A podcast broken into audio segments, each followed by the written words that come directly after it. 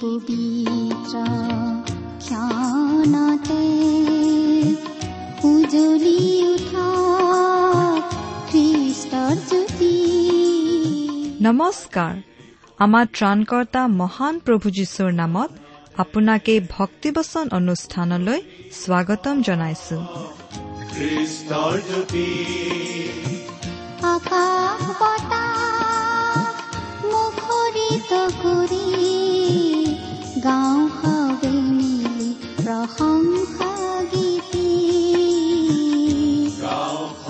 এয়া মুকলি কৰিছো ঈশ্বৰৰ জীৱিত বাক্যৰ ধাৰাবাহিক অনুষ্ঠান ভক্তি বচন। আপোনাৰ জীৱনত যদি শান্তি পাব বিচাৰে তেন্তে এয়া ঈশ্বৰৰ বাক্যৰ সান্তনা বাক্য ভক্তি বচন। গতিকে আহক আজিৰ শিক্ষা শুনো।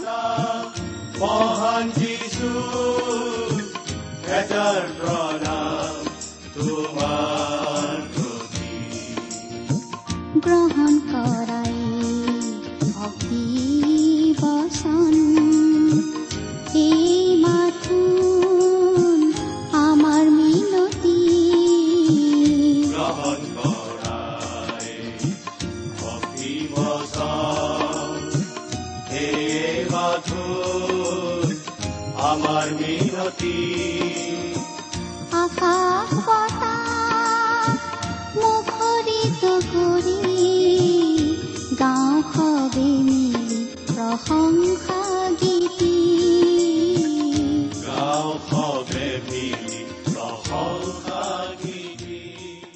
আমাৰ মহান ত্ৰাণকৰ্তা প্ৰভু যীশুখ্ৰীষ্টৰ নামত নমস্কাৰ প্ৰিয় শ্ৰোতা। আশা কৰো পৰম পিতা পৰমেশ্বৰৰ মহান অনুগ্ৰহত আপুনি ভালে কুশলে আছে। আপুনি আমাৰ এই ভক্তিবচন অনুষ্ঠানটো নিয়মিতভাৱে শুনি আছে বুলিও আশা কৰিছো। এই অনুষ্ঠান শুনি আপুনি কেনে পাইছে বাৰু? আমাৰ শ্ৰোতাসকলৰ মংগলৰ বাবেই আমি অতি যত্নেৰে এই অনুষ্ঠান প্ৰস্তুত কৰো। আৰু সেইবাবেই শ্ৰোতাসকলৰ পৰা চিঠি পত্ৰ পাবলৈ আমি আশাৰে বাট চাই থাকোঁ। আৰু আমালৈ চিঠি লিখিবলৈ আমি শ্ৰোতাসকলক সদায়েই অনুৰোধ জনাওঁ। অনুগ্ৰহ কৰি আজিয়েই আপোনাৰ মতামত আদি জনাই আমালৈ দুষাৰিমান লিখি পঠিয়াবচোন। আমাৰ যোগাযোগৰ ঠিকনা ভক্তি বচন টি ডব্লিউ আৰ ইণ্ডিয়া ডাক বাকচ নম্বৰ সাত শূন্য গুৱাহাটী সাত আঠ এক শূন্য শূন্য এক। ভক্তি বচন T W R India postbox number seventy Guwahati seven eight one zero' zero' one আমাৰ website W W W dot radio' eight eight two dot com প্ৰিয় শ্ৰোতা যদিহে আপুনি আমাৰ এই ভক্তিবচন অনুষ্ঠানটো নিয়মিতভাৱে শুনি আছে তেনেহলে আপুনি নিশ্চয় জানে যে আমি আজি ভালেমান দিন ধৰি বাইবেলৰ পুৰণি নিয়ম খণ্ডৰ আমোচ ভাৱবাদীৰ পুস্তক নামৰ পুস্তকখন অধ্যয়ন কৰি আছো। আপুনি বাৰু আমাৰ যোৱা অনুষ্ঠানটো শুনিছিল নে?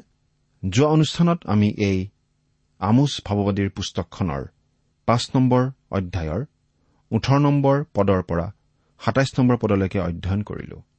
আজি আমি অধ্যয়ন কৰিবলৈ ওলাইছো আমোচ ছয় নম্বৰ অধ্যায়ৰ এক নম্বৰ পদৰ পৰা চাৰি নম্বৰ পদলৈকে। কিন্তু অধ্যয়ন আৰম্ভ কৰাৰ আগতে সদায় কৰি অহাৰ নিচিনাকৈ আহকচোন। আমি পৰম পিতা পৰমেশ্বৰৰ ওচৰত খন্তেক প্ৰাৰ্থনাত মৌনত কৰো হওক। আমি প্ৰাৰ্থনা কৰো হে পৰম পবিত্ৰ আৰু দয়াময় ঈশ্বৰ আমি আপোনাৰ মহান নামৰ বন্দনা কৰো। আপোনাৰ গৌৰৱ আৰু প্ৰশংসা কৰো। আপোনাক ধন্যবাদ জনাওঁ এই সুন্দৰ অনুষ্ঠান ভক্তিবচনৰ বাবে।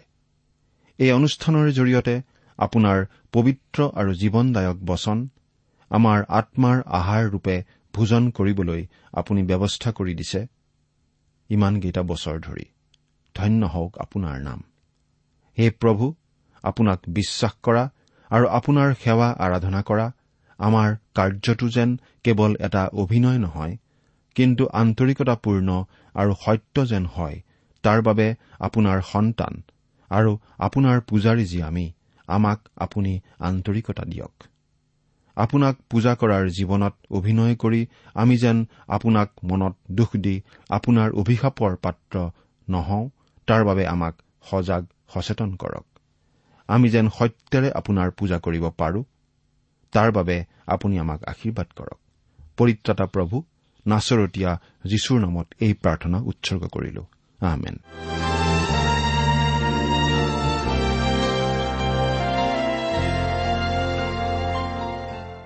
প্ৰিয় শ্ৰোতা মানুহে মানুহৰ মাজত অভিনয় কৰি মানুহে মানুহৰ কাণ কাটিব পাৰে। মানুহে মানুহৰ চকুত ধূলি ছটিয়াব পাৰে। কিন্তু মূৰ্খ মানৱ জাতিয়ে তেনে খেলা সৰ্বজান আৰু সৰ্বশক্তিমান ঈশ্বৰৰ সৈতে খেলিব নালাগে। কিন্তু বৰ পৰিতাপৰ কথা যে ইছৰাইলৰ সন্তানসকলে ঈশ্বৰৰ দৃষ্টিতো অভিনয় কৰিছিল আৰু তাকে কৰি তেওঁৰ সুধবিচাৰৰ সন্মুখীন হৈছিল। এতিয়া আমি ছয় নম্বৰ অধ্যায়ত পাওঁ যে অপৰাধ আচৰা জীৱনৰ পৰা পৃথক হবলৈ ইছৰাইলীয়া লোকসকলক পৰামৰ্শ দিয়া হৈছে। আমোছে এই ছয় নম্বৰ অধ্যায়টো ধিক্কাৰ কথাৰে আৰম্ভণ কৰিছে। ধিক্কাৰ দিয়াৰ ক্ষেত্ৰত আমোচ বিশেষজ্ঞ ব্যক্তি নাছিল। কিন্তু আপুনি কেইবাগৰাকী ভাৱবাদীৰ ভাৱবাণীত দেখিব তেওঁলোকে গুৰুত্ব সহকাৰে আৰু সাহসেৰে প্ৰয়োজনৰ খাতিৰত ধিক্কাৰ দিছিল। কেৱল পুৰাতন বিধানৰ ভাৱবাণীৰ ভিতৰতেই এই ধিক্কাৰ বাক্য যে আবদ্ধ আছে এনে নহয়। প্ৰকাশিত বাক্য পুস্তকতো আমি হাই হাই বোলা ধিক্কাৰ কথাখিনি পাওঁ। এনে ধিক্কাৰৰ কথাই শুনোতাৰ দৃষ্টি আকৰ্ষণ কৰিব পাৰে। এতিয়া বাইবেলৰ পৰা পাঠ কৰিম। ছয় নম্বৰ অধ্যায়ৰ এক নম্বৰ পদটো পাঠ কৰিছো। যদিহে লগত বাইবেল আছে অনুগ্ৰহ কৰি চাই যাব। আৰু যদিহে লগত বাইবেল নাই অনুগ্ৰহ কৰি মন দি শুনিব। পাঠ কৰি দিম। যিবিলাকৰ ওচৰলৈ ইছৰাইল বংশ যায় জাতিবিলাকৰ প্ৰধান জাতিৰ সেই মুখ্য লোকবিলাকৰ চিউনত নিশ্চিন্তে থকা আৰু চমৰীয়া পৰ্বতত নিৰাপদে থকাবিলাকৰ সন্তাপ হ'ব।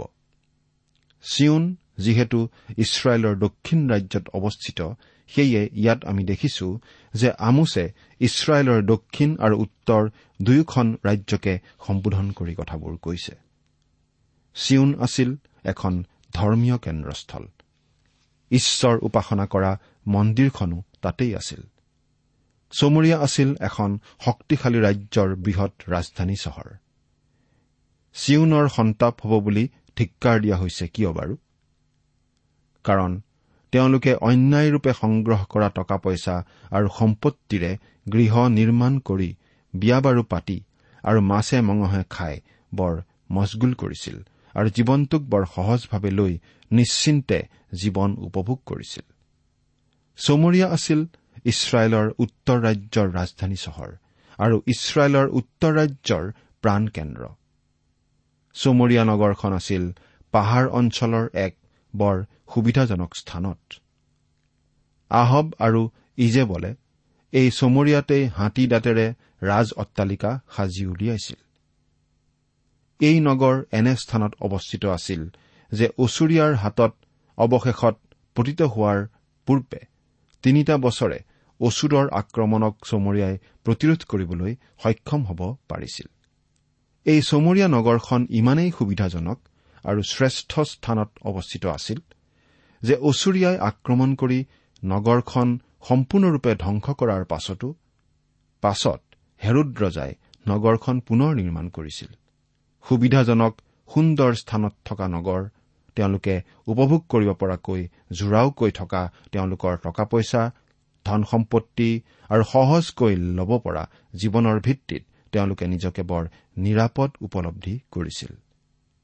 জাতিৰ মুখ্য লোকসকল নিশ্চয় ৰাজকুমাৰসকল আৰু ৰাজ পৰিয়ালৰ সামাজিক দায়িত্ব বহন কৰা লোকসকল আছিল। ৰাজশাসকে এওঁলোকৰ ওপৰত ৰাজ্য শাসনৰ বহু দায়িত্ব ন্যস্ত কৰিছিল আৰু তাকে কৰিব পাৰিবলৈ প্ৰয়োজনীয় ক্ষমতাও প্ৰদান কৰিছিল। এনে ঈশ্বৰহীন আৰু জ্ঞান ব্যৱহাৰ নকৰা ক্ষমতাশালী নেতাসকলৰ ওচৰলৈকে দুখী দৰিদ্ৰ লোকসকলে ন্যায় বিচাৰ কামনা কৰি যায়। কিন্তু ৰাজ্যৰ এই মুখ্য লোকসকলে কেৱল নিজৰ স্বাৰ্থ পূৰণাৰ্থে ৰাজ ক্ষমতা আৰু সুবিধা কামত খটাইছিল। দুখী দৰিদ্ৰক সহায় কৰাৰ সলনি নিজৰ স্বাৰ্থ পূৰণৰ অৰ্থে তেওঁলোকৰ ওপৰত শোষণৰহে শাসন চলাইছিল। সেয়ে আমোছে তেওঁলোকক জনাই দিছিল তেনে জীৱন ধাৰণৰ পৰিণাম অৱশেষত গৈ কি হ'বগৈ?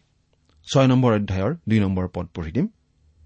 তোমালোকে কলোনীলৈ গৈ চোৱা আৰু তাৰ পৰা মহাসমাতলৈ যোৱা। তাৰ পাছত পলেষ্ঠিয়াবিলাকৰ গাত নগৰলৈ নামি যোৱা। সেইবোৰ ৰাজ্য এক দুই ৰাজ্যতকৈ উত্তম নে? বা সেইবোৰৰ সীমা তোমালোকৰ সীমাতকৈ ডাঙৰ নে?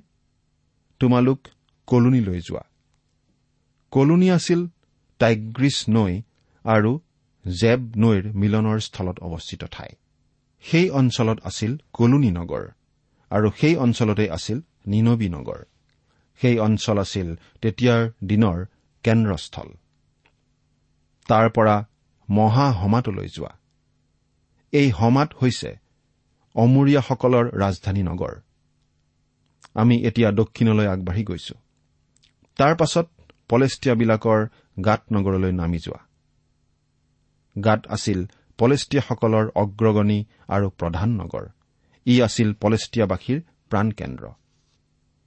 সেইবোৰ ৰাজ্য এক দুই ৰাজ্যতকৈ উত্তম নে? বা সেইবোৰৰ সীমা তোমালোকৰ সীমাতকৈ ডাঙৰ নে? আন কথাত কোৱা হৈছে তোমালোক যোৱা আৰু আন দেশ আৰু জাতিবিলাকক চোৱা। সেই দেশ আৰু জাতিবিলাকতকৈ তোমালোকে কিয় নিজকে শ্ৰেষ্ঠ জ্ঞান কৰা? তোমালোক শ্ৰেষ্ঠ নোহোৱা। তেওঁলোকে আচৰণ কৰা পাপকেই তোমালোকেও আচৰণ কৰি আছা। কিন্তু কথা হ'ল যে তোমালোকৰ দায়বদ্ধতা অধিক কাৰণ সেই জাতিবিলাকে ঈশ্বৰক নাজানে। কিন্তু তোমালোকে হলে ঈশ্বৰক জানা। তাৰ পাছত আমি দেখা পাম যে আমোচ ভাৱবাদীয়ে ইছৰাইলৰ তিনিটা পাপ প্ৰকাশ কৰিব। এই তিনিটা পাপেই ইছৰাইলৰ উত্তৰ ৰাজ্যৰ পতন ঘটাইছিল। এই পাপে ইছৰাইলৰ দক্ষিণ ৰাজ্য বাবিল মিছৰ গ্ৰীচ আৰু ৰোমৰো পতন ঘটালে। এই পাপকেইটাই বৰ্তমানেও বহু জাতিৰ পতন ঘটাইছে। কাৰণ এই পাপকেইটা হৈছে জাতি এটাৰ পাপ। এই পাপবোৰৰ বাবে ঈশ্বৰে জাতিসমূহৰ বিচাৰ কৰে। তিনি নম্বৰ পদ তেওঁবিলাকে অমংগলৰ দিন আঁতৰ কৰে আৰু অত্যাচাৰৰ আসন ওচৰ চপায় আন কথাত কবলৈ গ'লে ইছৰাইলে কৈছিল ঈশ্বৰৰ সুধবিচাৰৰ দিন অৱশ্যে আহিব কিন্তু সেয়ে ওচৰ নহয়। তাৰ বাবে ইমান উদ্বিগ্ন হোৱাৰ কোনো প্ৰয়োজন নাই। হিচকিয়া ৰজায়ো যিচয়া ভাৱবাদীক সেই একে কথাকেই কৈছিল। যেতিয়া যিচয়াই কৈছিল যে ইছৰাইলৰ দক্ষিণ ৰাজ্যলৈ ঈশ্বৰৰ সুধবিচাৰ আহি আছে আৰু সেই সুধবিচাৰৰ ফলস্বৰূপে তেওঁলোক বাবিললৈ বন্দী হৈ যাব লাগিব। তেতিয়া হিচকিয়া ৰজাই ভাৱবাদীক সুধিছিল মোৰ দিনতেই সেই ঘটনা ঘটিবনে? যেতিয়া যিচয়া ভাৱবাদীয়ে হিচকিয়া ৰজাৰ দিনতেই নঘটিব বুলি কৈছিল তেতিয়া ৰজাই স্বস্তিৰ নিশ্বাস এৰি কৈছিল যে সেয়ে যদি হয় তেন্তে তেওঁৰ চিন্তা কৰিবলগীয়া বিশেষ একো নাই। চাওকচোন প্ৰিয় শ্ৰোতা এয়াই ৰজা আৰু প্ৰজা সকলো মানুহৰে মানসিকতা। এতিয়াই আমাৰ দিনতেই যদি কোনো মন্দ ঘটিবলগীয়া নাথাকে তেন্তে চিন্তা কৰিবলগীয়া একো নাই। এই মানসিকতা এতিয়া আমাৰ পৰা আমাৰ সন্তান সন্ততিসকলে পাব আৰু পাব ধৰিছে। মানুহৰ এই মনোভাৱে ভৱিষ্যতৰ বাবে প্ৰস্তুত হবলৈ মানুহক অলপো সহায় নকৰে। সজাগ সচেতন হোৱাত অকণো চেতনা লাভ নকৰে। আনহাতে বেয়াৰ দিনবিলাক বেয়াৰ পৰা অধিকতৰ বেয়ালৈ গতি কৰিছে। এটা জাতিৰ পতন ঘটাব পৰা সেই পাপ তিনিটা কি কি তাক আমি চাৰি নম্বৰ পদৰ পৰা পাওঁ। প্ৰথমটো পাপৰ কথা চাৰি নম্বৰ পদত পাওঁ এইদৰে। হাতীদাঁতৰ খাটত শয়ন কৰে আৰু নিজ নিজ শয্যাত দীঘল দি পৰে। জাকৰ পৰা মেৰ পোৱালি আৰু গোহালিৰ পৰা দামুৰি ভোজন কৰে। ইয়াত হাতীদাঁতৰ খাটত শয়ন কৰা আৰু নিজ নিজ শয্যাত দীঘল দি পৰাৰ কথা কৈ কিহৰ বিষয়ে কৈছে তাক আপুনি ধৰিব পাৰিছেনে? এয়া হৈছে অবৈধ যৌন সম্ভোগৰ কথা। তাৰ লগতে মেৰ পোৱালি আৰু গোহালিৰ দামুৰি ভোজন কৰাৰ কথা কৈ কিহৰ বিষয়ে কৈছে ধৰিব পাৰিছেনে? হয় অতিপাত খকুওৱা স্বভাৱৰ কথাকেই ইয়াত কোৱা হৈছে। অবৈধ যৌন সম্ভোগ আৰু অতিপাত খকুওৱা স্বভাৱ। দুয়োটাই এটা জাতিৰ মাজত বিৰাজ কৰা পাপ আৰু এই দুয়োটাই আমাৰ মঙহৰ পাপ। চমৰীয়াত আহব আৰু ইজেবলে হাতীদাঁতৰ ৰাজ অট্টালিকা নিৰ্মাণ কৰাৰ কথা আমি আগৰে পৰা পাই আহিছো আৰু উল্লেখ কৰি আহিছো। পুৰাতত্ব বিজ্ঞানীসকলে খনন কাৰ্য চলাই চমৰীয়াত নিৰ্মিত সেই ৰাজ অট্টালিকাৰ ভগ্নাৱশেষৰ মাজৰ পৰা কিছুমান অতি সূক্ষ্ম সুন্দৰ কাৰুকাৰ্যৰ বস্ত্ৰ উদ্ধাৰ কৰিছে। সেই ৰাজপ্ৰাসাদ আৰু তাত উদ্ধাৰ হোৱা সুন্দৰ সুন্দৰ বস্তুবোৰে ইয়াৰেই ইংগিত বহন কৰে যে সেই সময়ৰ শাসক নেতা আৰু ধনী লোকসকলে বৰ চৌখিন জীৱন ধাৰণ কৰিছিল আৰু সেই শাসক নেতা আৰু ধনী লোকসকলে তেওঁলোকৰ ইচ্ছাৰ দৰে দুখী দৰিদ্ৰ লোকসকলক অত্যাচাৰ কৰি মাখিৰ মূৰত থকা ঘি অকণকেই কাঢ়ি লোৱাৰ দৰে তেওঁলোকৰ যি অকণ তালি টোপোলা আছিল তাকো কাঢ়ি লৈ নিজৰ সুখ বৃদ্ধি কৰি লৈছিল। তেনে সমাজ ব্যৱস্থাৰ ফলত ধনী অধিক ধনী আৰু অত্যাচাৰী হৈছিল আৰু দুখীয়াসকল অধিক দুখীয়া হৈ অত্যাচাৰৰ বলি হৈছিল।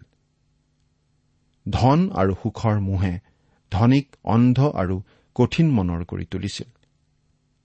আৰু আনহাতে অভাৱ আৰু অত্যাচাৰে দুখীয়াক বিদ্ৰোহী কৰি তুলিছিল। দৰিদ্ৰৰ অন্তৰত বিদ্ৰোহৰ তুঁহ জুই উমি উমি জ্বলিছিল। নিজ নিজ শয্যাত দীঘল দি পৰে।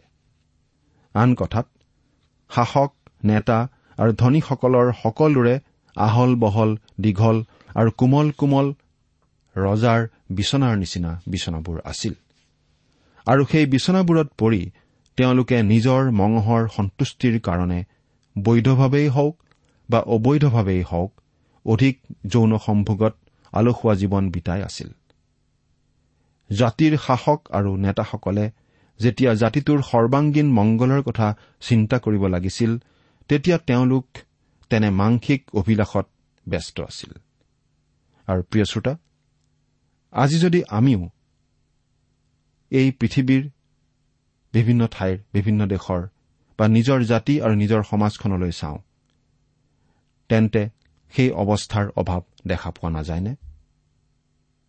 দিনৰ পোহৰত নৈতিক চৰিত্ৰৰ মুখা পৰিহিত বহু নকল চৰিত্ৰবানে হেনো নিজৰ গাঁঠিৰ ধন ভাঙি ৰাতিৰ অন্ধকাৰত পতিতালয়ত নিশা কটায়।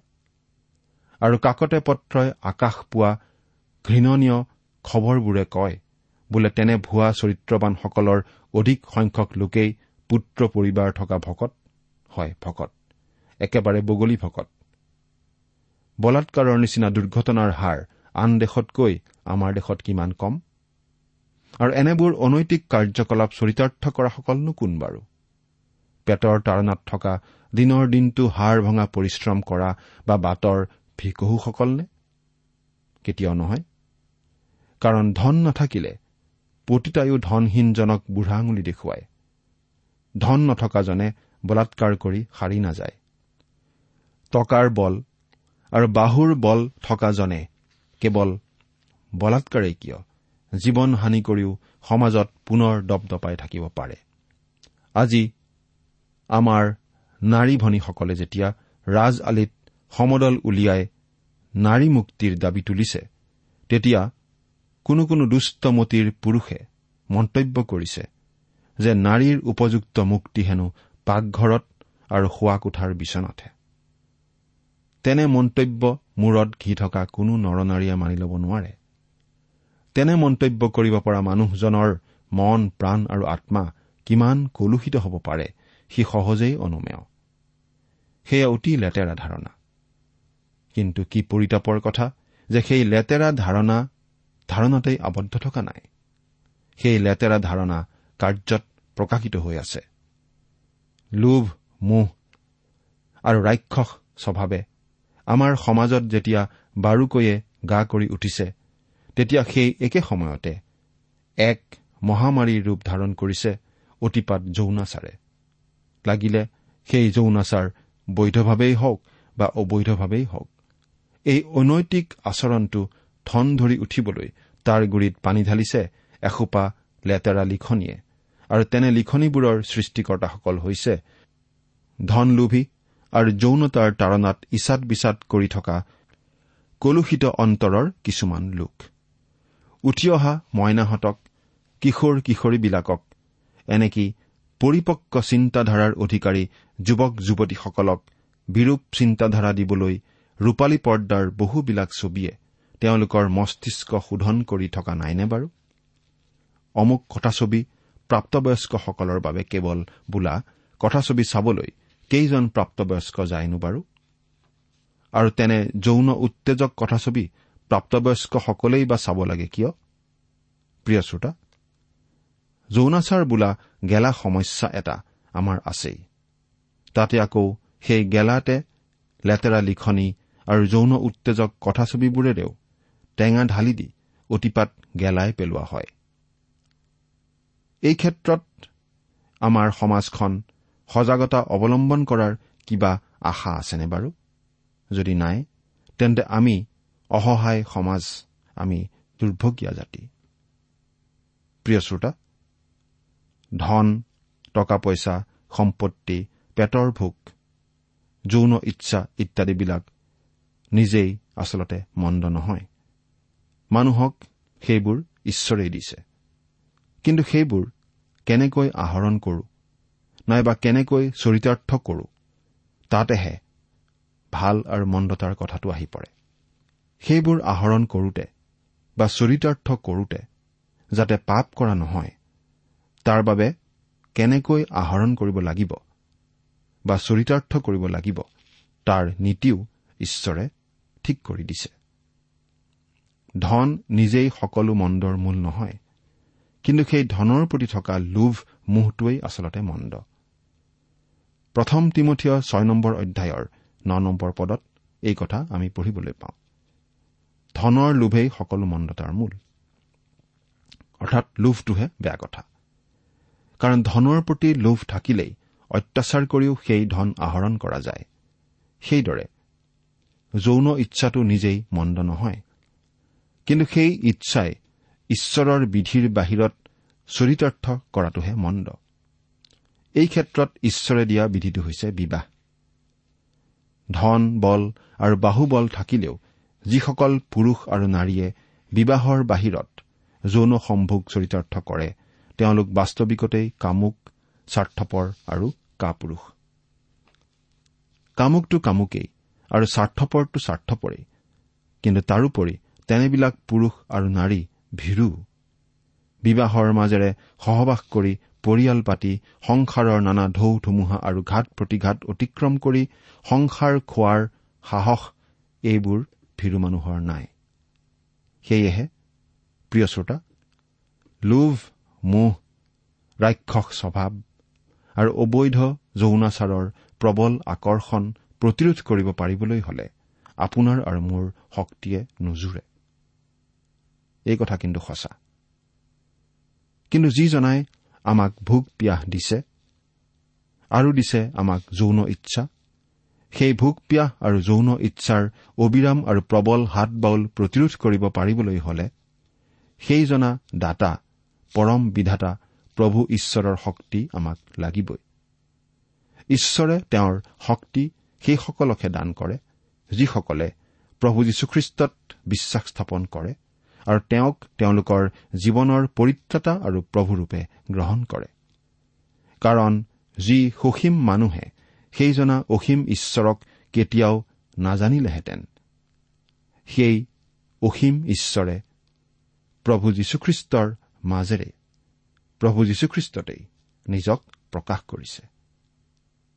সেইজনা ঈশ্বৰৰ শক্তিৰ বাহিৰত কোনো মানুহেই লোভ মোহ বা আন কামনা বাসনাৰ পৰা হাত সাৰিব নোৱাৰিব।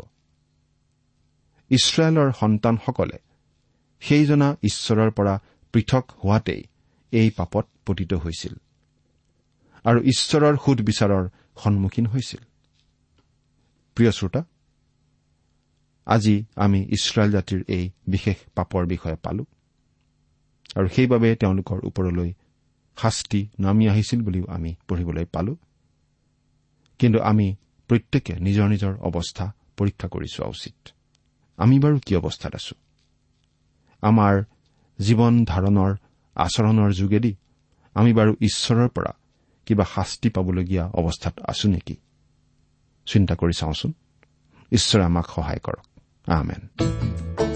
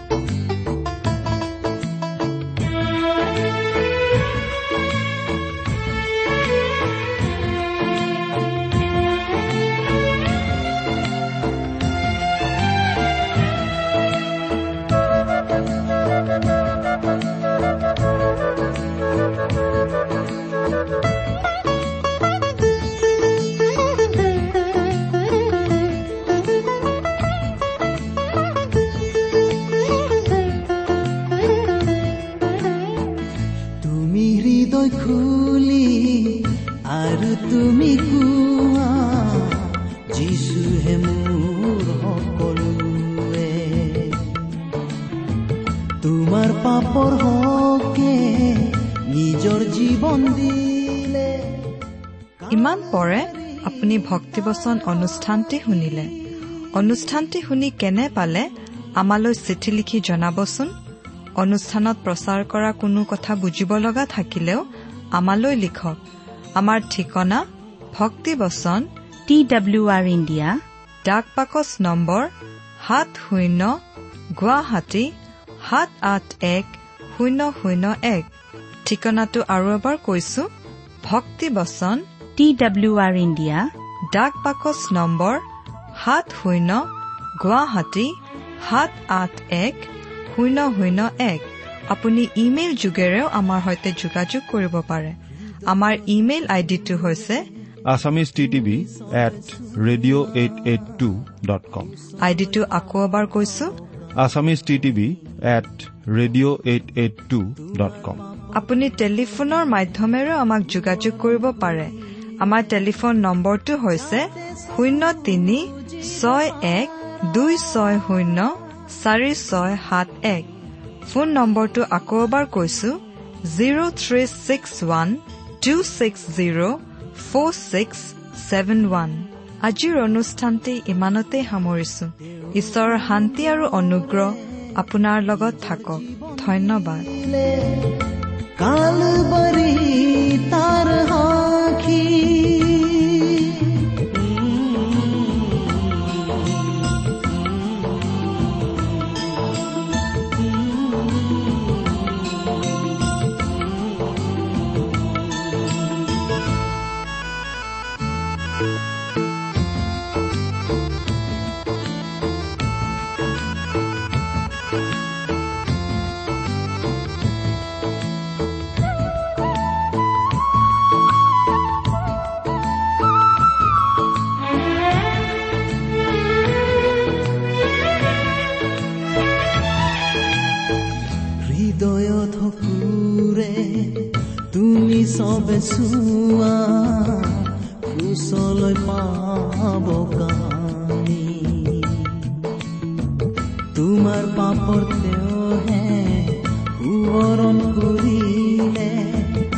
যাতে চবু জীৱ পাৰা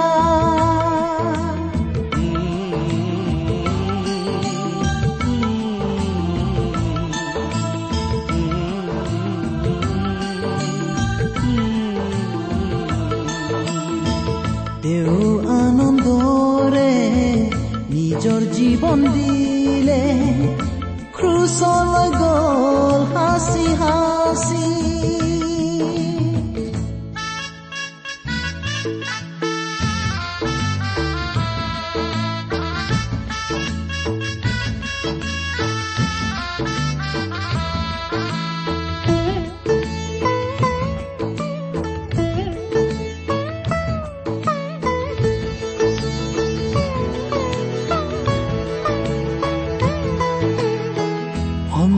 আছে যদি কথাবোৰ তুমি এই বলিদানৰ কাহানী।